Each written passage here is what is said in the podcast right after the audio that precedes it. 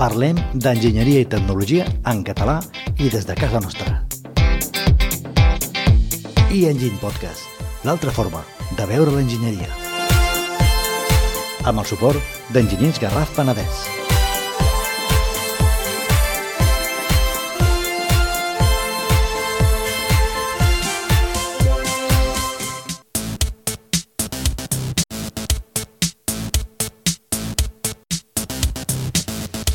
Hola, què tal? Benvinguts a la primera edició de l'e-Engine Podcast.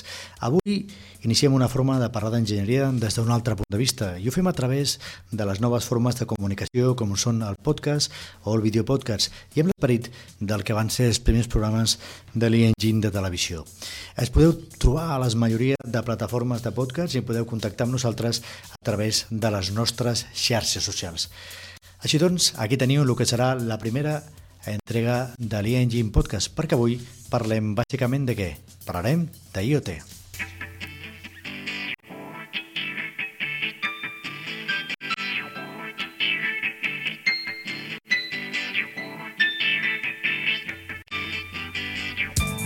I ho farem amb el Martín Longobuco, que és enginyer especialista en serveis avançats de telecomunicacions, consultor i professor d'IoT, Big Data i especialista en ciberseguretat.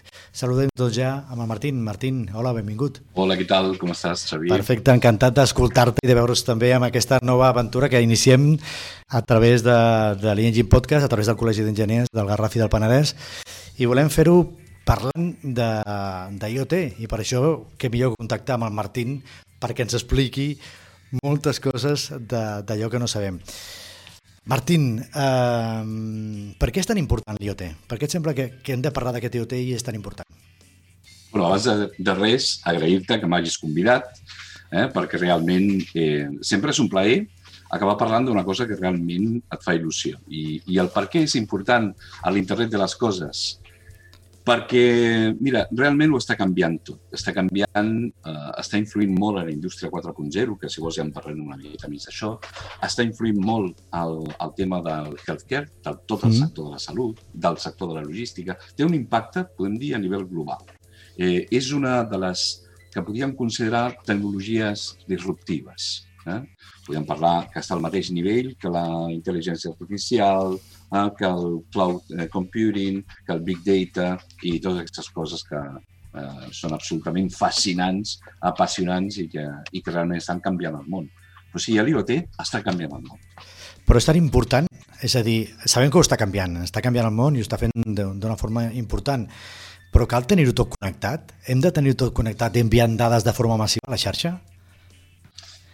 Bueno, Sempre que em pregunta això de si cal o no cal, eh, és, és una pregunta molt difícil de, de respondre. El, el tema és la qualitat de les decisions que prenem per tal de ser més adaptatius. Jo, a mi m'agrada sempre que faig una conferència recordar mm. la frase de, de Darwin, no? que deia que eh, no és el més intel·ligent, no és el més fort eh, el que sobreviu, sinó aquell organisme que és capaç d'adaptar-se millor.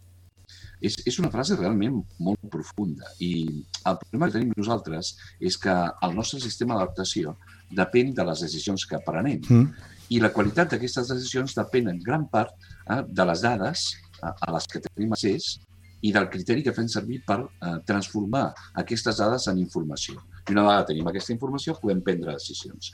Així que mira si és important, eh, mira si és fonamental, que depèn eh, d'aquestes dades i la qualitat d'aquestes dades, la qualitat de les nostres decisions que ens faran més adaptatius.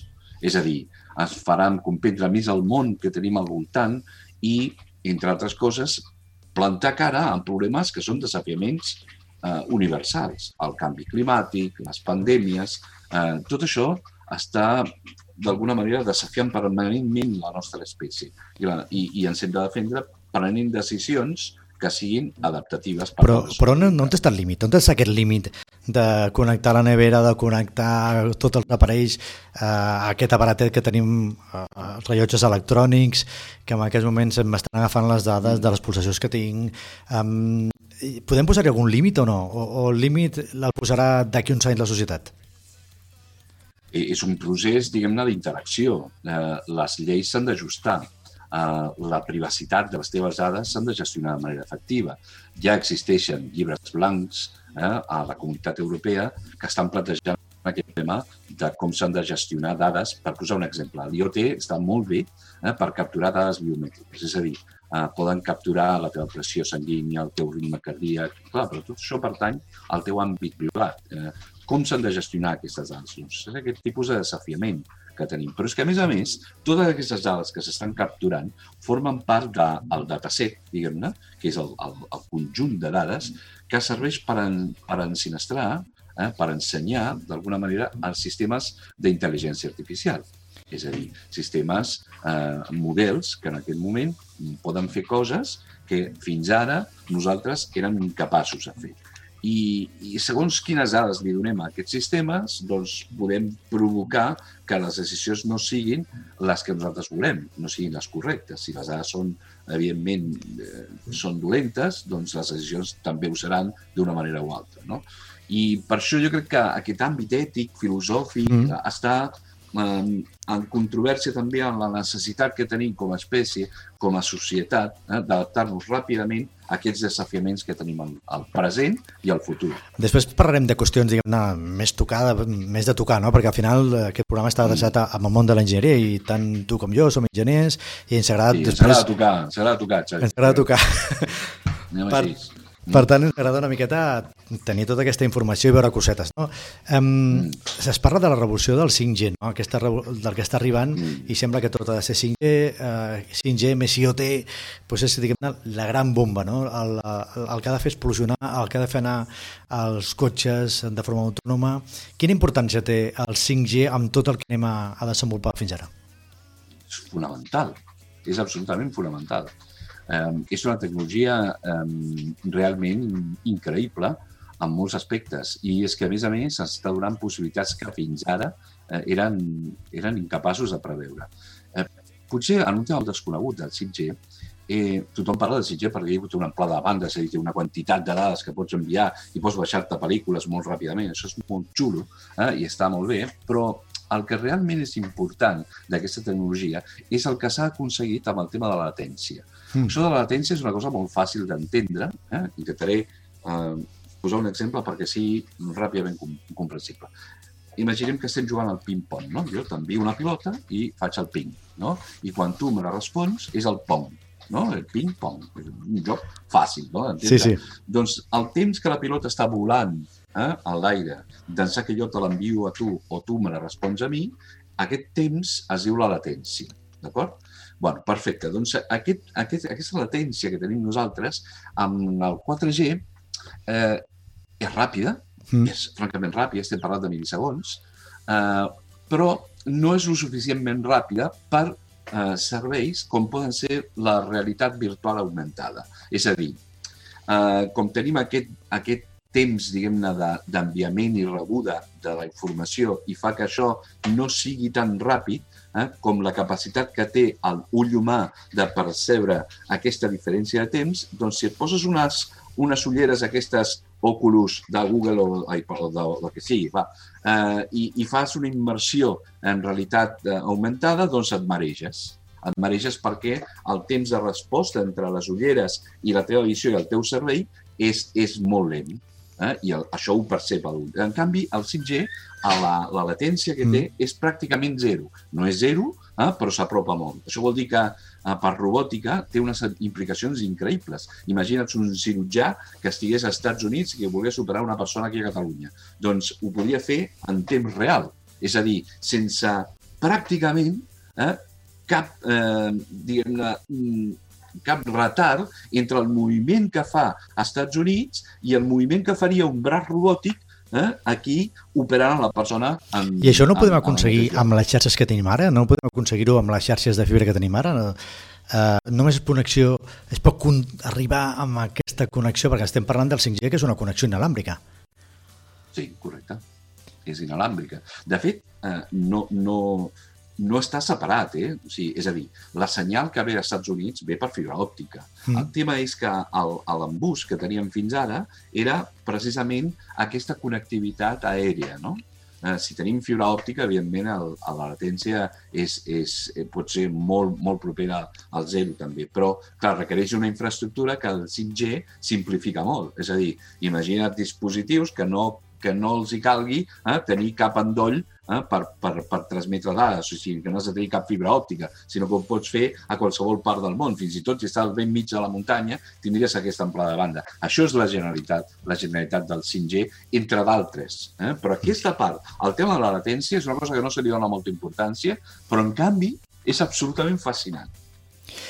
Un tema que crec hem de començar a tocar, és a dir, com ens podem introduir a fer petites coses, petits, diguem-ne, Eh, sistemes electrònics que funcionin com un IoT. És a dir, un IoT al final és un element que està agafant dades de l'ambient, eh, dades de molt tipus, i que al final les està pujant amb un núvol i que a partir d'aquí hem de fer coses amb elles. Com ens podem iniciar, o qualsevol persona que ens estigui veient o escoltant, com ens podem iniciar amb sistemes d'aquest tipus? Bueno, abans era complicat abans era complicat perquè havies d'estudiar electrònica. Tots aquells que ens agrada l'electrònica, recordem fa molts anys, mm. eh, t'estic parlant com un boomer. Eh? L'altre dia em vaig enterar d'això que és un boomer. Què és un boomer? que un boomer, eh, jo, fins ara em semblava que era un xiclet, però sembla que no. I és, i és el fet de que eh, tu hagis nascut, eh, i, i potser m'equivoco, però si és així ja m'ho diu, eh, a l'època del baby boom. Eh? Jo sóc un boomer. Ah, per tant, eh? jo sóc un boomer també. Això de quin any és? Sí, de quin any és això? Digue'm, digue'm de quin any és, perquè si no, no... Som, som un boomer. Després hi ha, hi ha moltes més històries que ja en parlarem més endavant, si vols. Però ja estem identificats, tu i jo. I, i, i quan parlo d'això de l'electrònica, eh, t'estic parlant des de la perspectiva d'un boomer, no? O sigui, és a dir, um, t'estic dient, mira, abans uh, havies de saber exactament què era una resistència, un condensador, com funcionava un microprocessador, quin, quins eren els components actius, els passius, uh, com es feia servir servir una protoboard i, i com es soldaven aquests components, com es verificaven després no? en, en oscil·loscopis o en, o, en, o en qualsevol tipus d'eines de, sí. de, de verificació. Llavors, el, el tema, això ha canviat molt. Ha canviat molt d'ençà que eh, es va crear una placa que es diu Arduino. Eh? És una placa eh, que la van dissenyar en principi pels estudiants d'enginyeria. Tants calés han fet eh, aquestes històries no? de, de, de comprar la tenim en pantalla ara mateix, la tenim en pantalla ara mateix.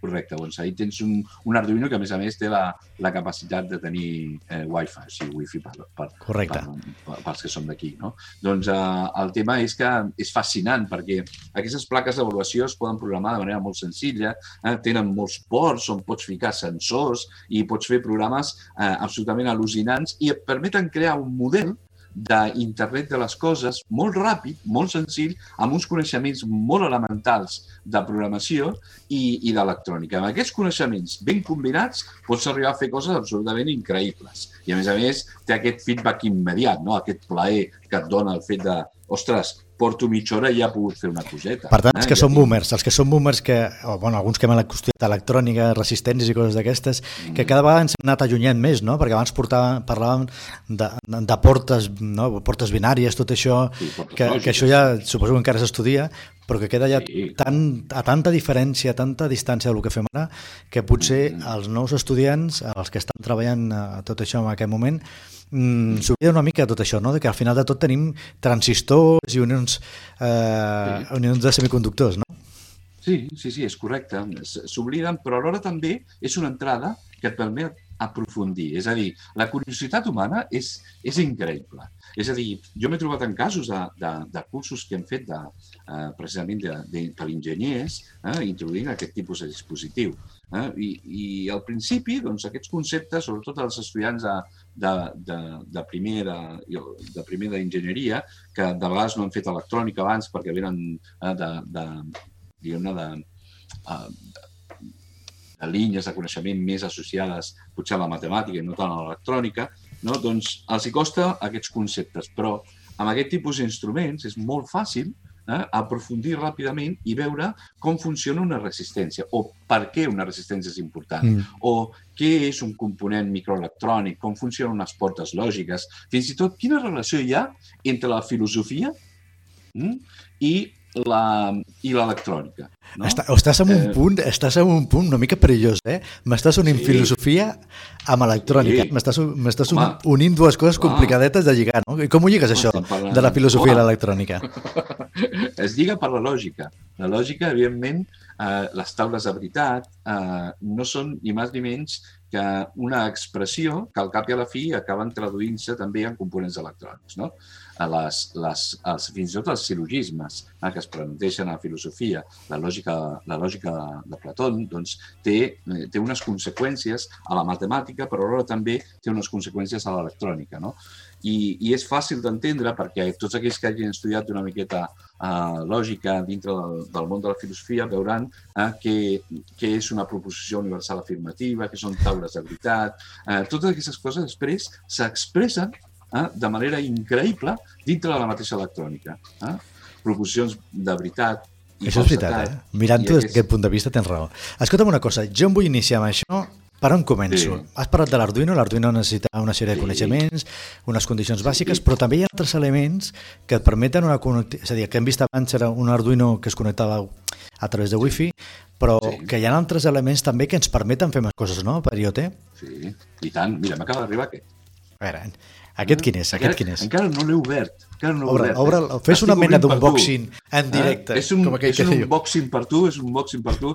Aquest és una, un, un ESP eh, mm, direm 8266. Eh? Un ESP 8266 què és? És, podem dir, és una evolució, eh? fins i tot més barata, eh? que l'Arduino, però és absolutament compatible amb l'Arduino. Ara l'obro, eh? A veure, jo en tinc... A veure, ensenya'm, jo tinc una foto per aquí que després la posarem, que és molt similar a això que tens aquí. ensenyant exactament com ve de fàbrica, eh? Correcte. El veus allà? I això què, què podem distingir aquí en general? Quatre bueno, coses bàsiques que podem veure.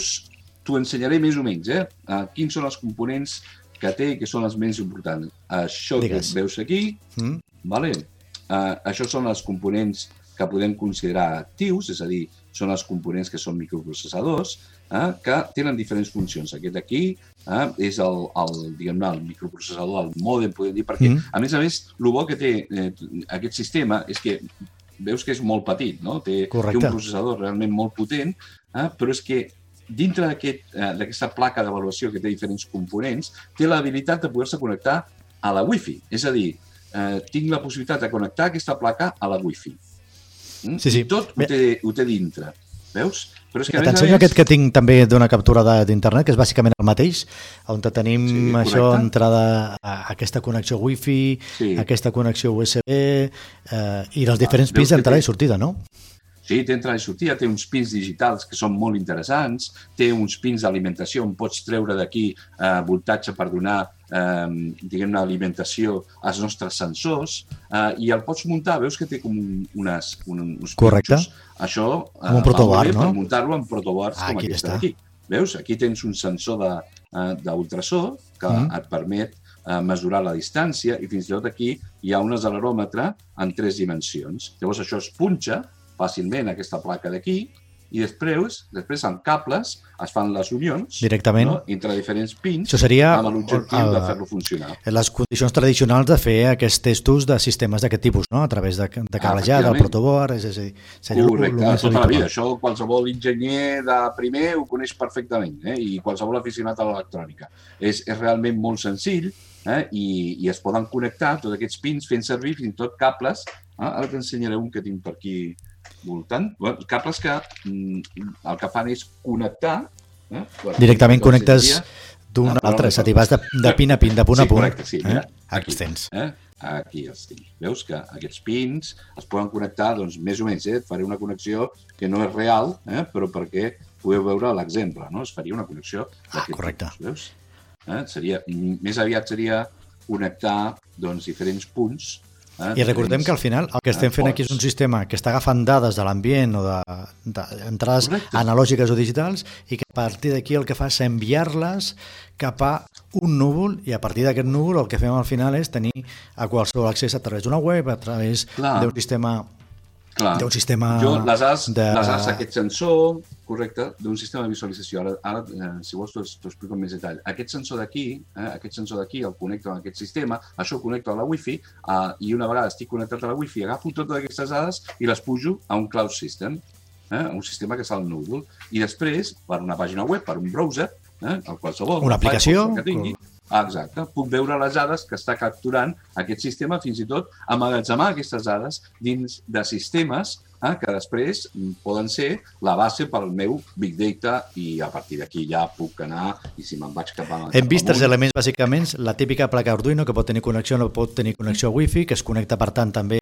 al, al núvol. Hem vist aquest, aquest petit element de poques dimensions amb unes entrades tecnològiques digitals que ens permet també mm-hmm. connectar-nos mm -hmm. i, finalment, m'has de presentar una novetat que com a mínim jo no la coneixia, que l'has descobert i que és molt, molt interessant, que és d'alguna forma aquesta evolució d'aquests dos elements, de l'Arduino i de, i de l'SP aquest 8266 que hem vist, sí. que jo quan vas, m'ho vas enviar a través d'un WhatsApp l'altre dia, i ostres, em vaig preguntar, què és això? Què és això que m'has ensenyat? Què és això que m'expliques? Xulo, eh? Ensenya-me'l, ensenya-me'l perquè sí que el tens aquí. Molt xulo. Mira, t'ho haig d'ensenyar perquè realment eh, podem considerar que això és una, una revolució. Eh? M'ha vingut fa... Mm, ho tinc calent, eh? Ho tinc calent, calent perquè està carregant, però és que més calent perquè m'ha vingut fa quatre dies. I, I és realment impressionant. És això d'aquí que veus aquí. Digues el que és, perquè hi ha gent que ens escoltarà també amb el podcast. Sí, vale. Això que veieu aquí és, té dintre eh, aquesta placa que us he ensenyat, eh, però en miniatura, per dir alguna cosa, és un SP32, eh, té dintre eh, tot un seguit de sensors i, a més a més, el que, ha, el que han fet aquesta, que és una, una empresa xinesa, que el que es diu, el, el teniu aquí, no sé si pots posar-li la URL, es diu eh, sí, M5 un momentet, Core. Estaré un momentet en, mm. en fer-ho. Mentre estàs tu vés explicant, jo vaig buscant-ho. Té, més a més, té a més a més aquesta pantalla, que és una pantalla TFT, que és interactiva, on podem veure cosetes que són molt interessants. Té un giroscopi incorporat, veieu? Mm. Eh? Com gira, eh? no sé si es veu bé. Jo diria que sí. Sí, oi? Perfecte. Eh? Té diferents sensors, fins i tot té la possibilitat, no sé si estem parlant, veieu que s'estava llogant eh, un histograma amb tota la senyal que ve del, de la meva veu eh, i de la teva, perquè té un micròfon incorporat. Ah. Alhora també mm, té un sistema d'escaneig que et permet escanejar eh, totes les wifis que tinc per aquí al voltant mm. eh, i té diferents sensors, eh, sensors que són molt, molt xulos. Eh? Us posaré un exemple. Té, veus que té allà un, un diferents Correcte, botons. sí. Hi ha un botó que es diu motor. Eh? Us posaré aquí al costat. El sentiu? Un palet, més o menys. Un palet? Uh mhm. -huh. Bueno, és un motor de vibració, eh? com els que tenen els mòbils, i el té, el té dintre. A més a més, té la possibilitat de la TFT, que és la, la pantalla TFT, eh? que és, és interactiva, veieu com, com puc canviar els colors, eh? i tot això es programa amb el mateix llenguatge amb el que es programa un Arduino, un ESP8266, eh, i es, amb el mateix entorn. Fins i tot té un entorn molt interessant, mm. que és encara més senzill, que no cal ni siquiera programar. Eh, és a dir, es pot fer programació en blocs, que es diu. Una si vols podem posar un moment la, la pantalla de, sí. de, la, de la web, eh, és la que tenim aquesta aquí. Correcte. Aquesta és la web, aquest és el sistema, però a més a més, com veieu aquí, és un sistema apilable, és a dir, veieu que té eh, diferents eh, colors. Això és una, una placa, diguem-ne, que s'afegeix mm. a sobre, molt semblant amb el sistema que té l'Arduino, l'SP8266, que es poden apilar, eh, es poden connectar, apilar més a l'Arduino, que té aquesta possibilitat, eh, que l'SP, eh, però, però tots poden funcionar. I a més a més té connectors. Aquí té eh, un, un foradet per ficar tags SSD. déu nhi eh, Aquí al costat podeu veure que té el, el sistema d'alimentació per USB, i, però a més a més té un connector eh, ISP, que és un connector realment molt, molt interessant. Quina aplicació li veus amb aquest sistema? Quin seria el futur de tot això que ens estàs... Poden, es poden fer models molt ràpid, no cal soldar res, no cal tenir protoboards, no cal ficar cables, i és una introducció genial per tot el que és el tema d'educació, per nens, per, eh, per gent que no, no, no ha entrat encara en el món de l'electrònica, però li vol treure el suquet, diguem-ne, de l'electrònica molt ràpida.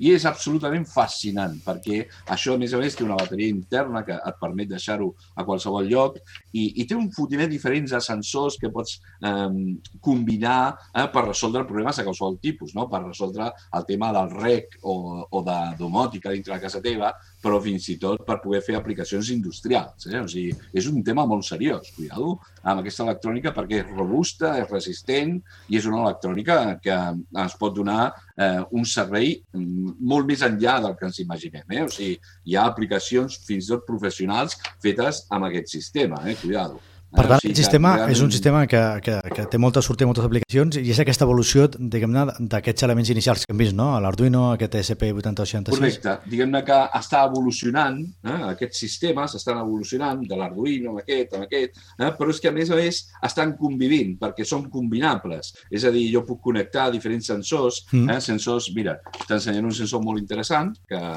que és un sensor de, d'això ja en parlarem, si vols, més endavant. Sí, i en dedicarem més programes. Eh? Avui és el primer, el primer que estem sí, parlant sí. d'IoT. Correcte, sí, però, però mira, això et poso un exemple. Això serveix per mesurar el nivell d'humitat que tenim a la Terra. Eh? Llavors, amb això connectat amb un SP o amb un d'aquests, o el, el que vulguem, vale? connectat realment amb aquest sistema és molt efectiu, ens permet saber exactament el nivell de pressió hídrica eh, que tenen les nostres plantes, o sigui que es, pod eh, es podria avisar eh, quan eh, si fa falta rec. No? Molt, molt, molt interessant. Doncs uh, continuarem parlant d'IoT en molts programes. Jo crec que avui hem fet una mica d'introducció, és una mica d'introducció al que, al que hem fet avui i la veritat és que és molt interessant poder parlar amb tu de tots aquests temes. Hem parlat d'aquestes quatre coses bàsiques, d'aquesta uh, introducció a l'IoT.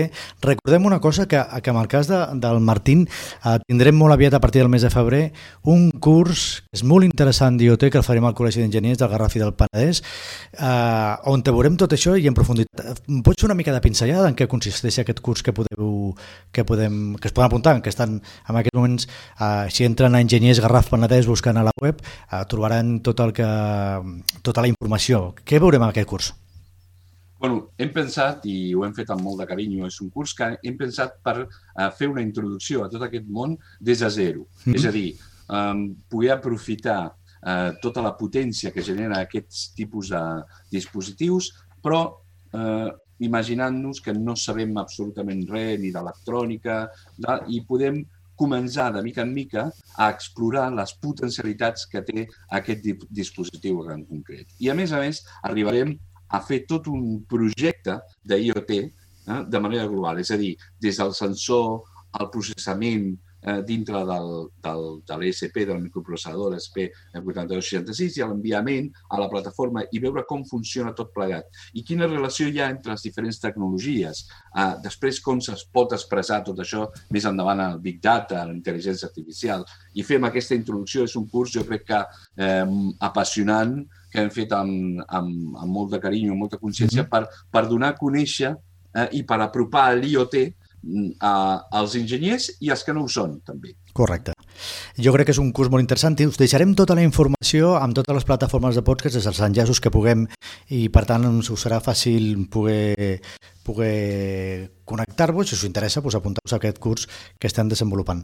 Martín, moltíssimes gràcies per estar amb nosaltres en aquest primer programa, aquesta primera edició de l'e-Engine Podcast, i serà un plaer tenir-te en més ocasions. Serà un plaer poder parlar amb tu en més ocasions, parlar de tot això, de tots de tot aquests elements que ens interessen i que ens lliguen al món de l'enginyeria. Moltes gràcies i continuarem amb tu parlant segur moltes vegades més. Moltes gràcies, Xavi, per convidar-me. Doncs pues vinga, gràcies per tot i anem acabant el programa.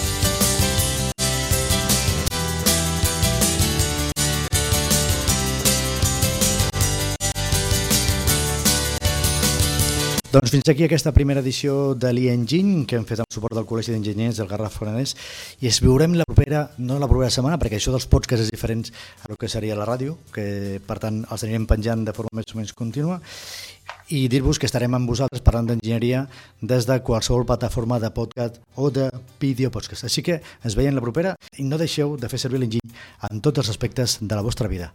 Fins la propera. Adeu.